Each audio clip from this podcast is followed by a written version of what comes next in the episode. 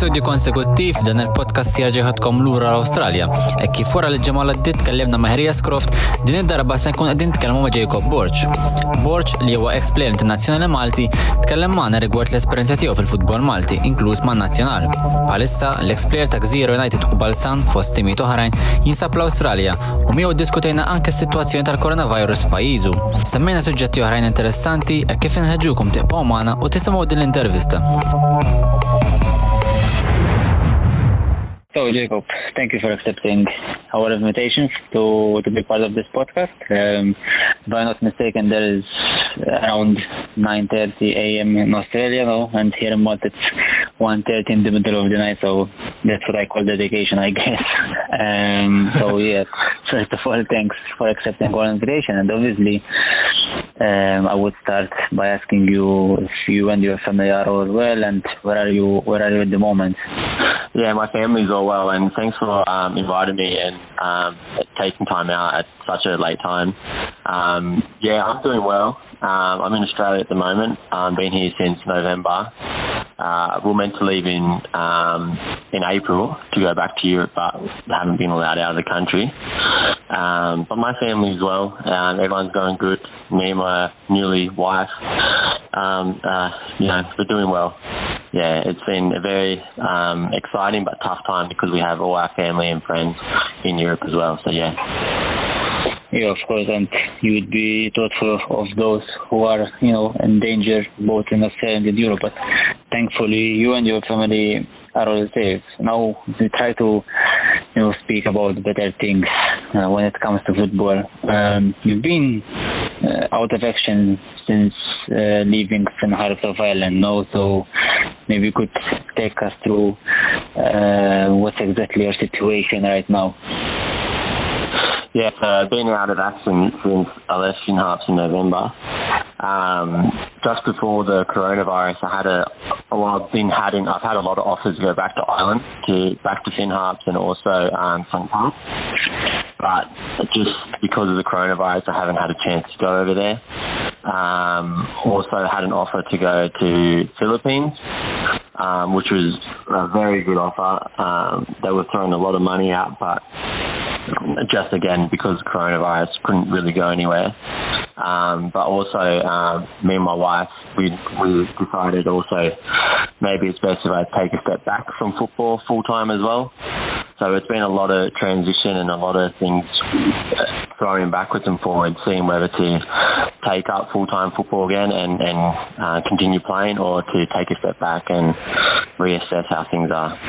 So, uh, despite being absent for a long time since November, and obviously the coronavirus pandemic has halted a bit uh, your plans. No, you're still looking to to get into football again, no? Yeah, so um, Finn Harps, they keep calling me. They actually, the coach called me um, when last on Tuesday. He called me on Tuesday and was wondering when I'm back in Ireland. Um, and I said to him I'll probably be back there next year. Um, and yeah, I've been training every day still. So even by myself, I've been coaching kids as well. Some kids play for the um, in the A League squads up here, so it's been good. Um, but yeah, when I go back over to Ireland, probably looking at um, yeah going back for a, for a couple of months and playing over there, just just to just to fill into the need of um, satisfaction of playing football. Yeah, of course, and obviously after a long time not playing football, it will feel like you're starting this all over again, no? yeah, yeah. It was, I think it was a good thing because I think my body would be able to rest. Last season it was so so many games in such a little time. Um, and yeah, uh, like even now, I just feel my body, um, yeah, being renewed and refreshed because sometimes you need a break. And I think the coronavirus will be not good for just me, but for everyone. everyone will be able to get refreshed, get on top of their injuries and everything like that. Yes, it's true. I mean, uh, it's kind of a bit of a paradox, no? I mean, players have a short career and you want to play of the year, but at the same time, sometimes it causes a lot of, you know, stress or mm, it's not easy to handle between family or football. So, yeah, I hope that um, this will be kind of, you know, a breakthrough, a second breakthrough in your career to to continue and enjoy football. And obviously, I assume that you really enjoyed your spell in Ireland. No, I mean, after all, you've earned the promotion. You you managed to stay in the top flight in the following season. I mean, I guess you had a great couple of years there. Yeah, I really enjoyed it in Ireland. I think for me it was a very good change. Um, you know, nothing, Malta was really good and a really good experience for me, but I just needed to get out there and you know go experience football somewhere else. And Ireland was a perfect place. You know, the the, the way the game is is just really it's really good and really good for um, for myself. You know, it's very physical, very fast tempo, and I, I really enjoyed it there. The, the club itself was amazing um, for for what they had, the budget and everything. They were they were world class. You know, the coach um, Ollie, he really looked after not just me but everyone. If he had a, if anyone had a problem, he'll be the first one to try and fix it for you, no matter what. I remember before I went there, um, I was going to go to Scotland, and he flew over to the game to watch me play to you know, to, to make sure that I didn't stay in Scotland, that I went to Ireland. And it's that personal interest that really makes a difference for me. And long as said you played uh, a lot of years here in Malta. Um, before asking you about your experiences here on our on our island, uh, maybe what differences would you pick between uh, the Irish League the Maltese League uh, in any terms? I mean, could be training, could be football, anything that maybe uh, you can draw out between between the two movements, let's say. Yeah, well, as you said, played a lot of years in, in, in Malta and a lot of a lot of different clubs, so I've seen a lot of different things. Um, but I think the Maltese football, it's doing well. Um, I think in Ireland, it's a lot all the teams are a lot more competitive in a sense where, you know, it's do or die for them. You know, uh, the games are, I think, a lot quicker. I think in Malta you have a lot more technical players, like the foreigners and a lot of the, and, and the Maltese national team players are very technical. But over there, it's more a whole team is all round good. Um, you know, for instance, like your Shamrock Rovers, your Dundalk, your Bohs. Um, there was what there's another team there as well. You know, they just once they get into the game, they just uh, play off the park. I guess, it's no. like you're chasing. Yeah, it's like you're playing Ghost. yeah, but um, but the training wise, I think Malta's got a good they've got a good thing at the moment where they're training every day and they take into consideration the the players' needs as well. Um, I think the the introduction of more full time teams and that in Malta is a great thing. I think it's a really good thing over there because people get to focus wholly and solely on football, not stuck between work and football as well. So I think they're on the right path there. Yeah, but uh, you mentioned um, two clubs in Ireland that do actually qualify for European competitions, even at the group stages. And even though maybe the Irish league, uh, actually, it's not that much superior to the Maltese league, they still managed to qualify. So maybe I think somehow in the middle there is still like a gray area where the Maltese football cannot really you know, uh, roll sleeves up basically and step up another level, no? Yeah, yeah. I think with them two teams, like you know, the rest of the Irish league is is very it's it's it's competitive. It's very competitive. Like on any day, anyone can beat anyone. But I think them two teams, they're they're head and shoulders above anyone else, and I think the train. I think their whole life is football and they have professionalism from England, from everywhere, and they just that that's it. You know, they would spend all day training. They would, if they're not training, they're watching videos. They're not watching videos. They're doing recovery. They're doing gym. They they they're full time. It doesn't compare, and you can see the way they play. Like for instance, Shamrock when we played them uh, last season, they didn't win the league, but they were hands down played better football than any team I've played against. They, were amazing. You couldn't get the ball off them. Um, with Dundalk, Dundalk can just turn it on within an instant, and you know, as you can see, they played in the group stage of Europa League what three years ago, I think it was.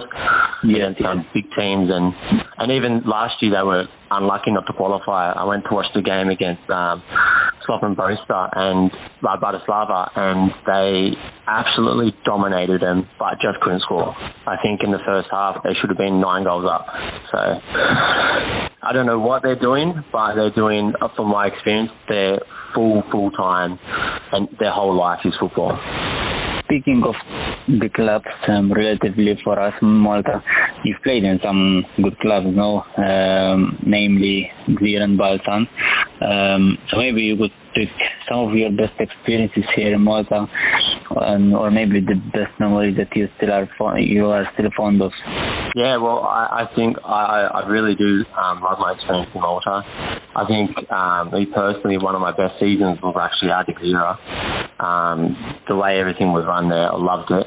Um, Balzan was a really good club as well. Like, I loved Anton, the, the owner. He's very hospitable, very nice, very passionate as well, and you know his passion for for the game and for the club was incompatible and could really not do any difference at all. Um, also with um, they really looked after me really well. Um, but yeah, I had a lot of good memories there, um, and and I really enjoyed it over there. And you happened to also represent Malta a long time ago, no? Um, maybe could you take us through how did uh, call up came up?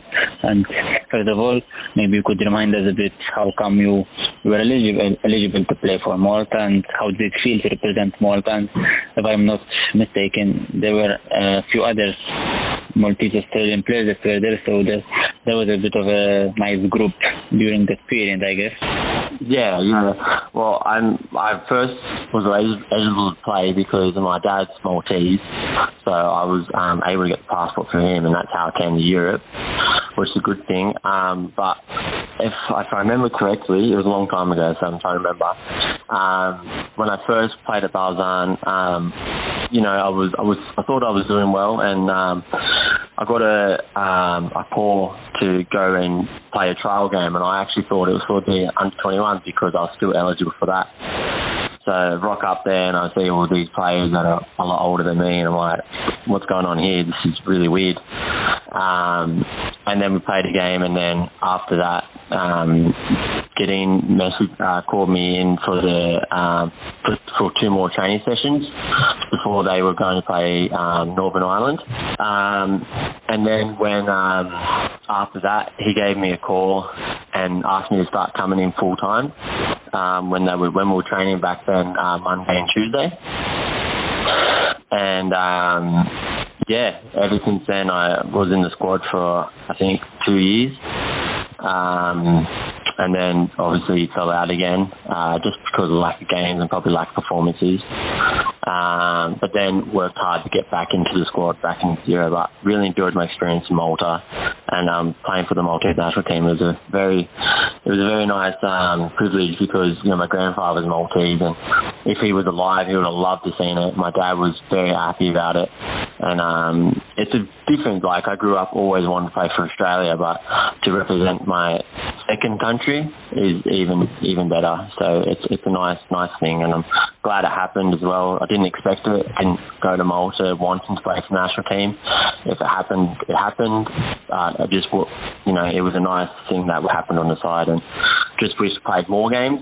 Uh, but you know, being included in the amount of games I was included was just even just as just as good. So yeah. And uh, now, even for from far away, do you still catch up with uh, Maltese football, Maltese clubs, and the multi multinational team as well?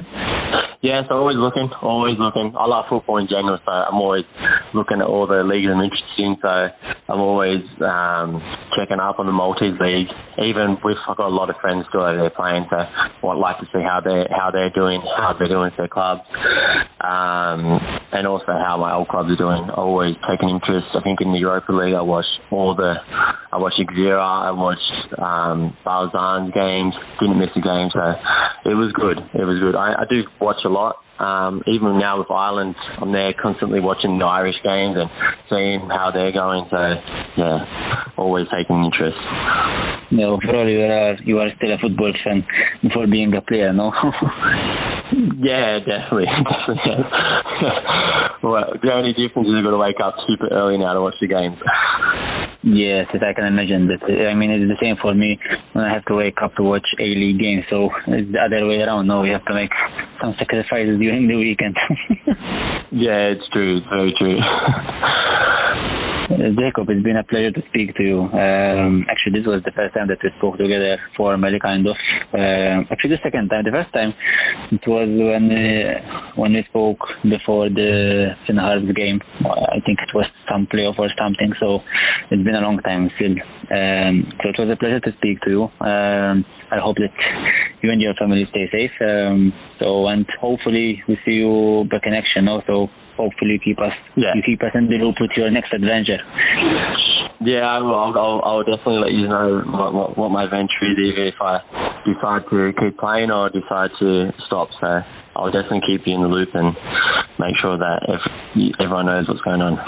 Perfect. Thanks a lot, Jacob. Thanks, Gianluca. Have a, have a wonderful night. Nirringrazzjaw lil Borx tal-li naqat magħna e kif esprima ruħu fuq il-karriera tiegħu u s-sitwazzjoni tal-Koronavirus ġewwa l-Awstralja. Nittamaw li kien intervista interessanti għalikom u nħeġġukom tiqpu seguna.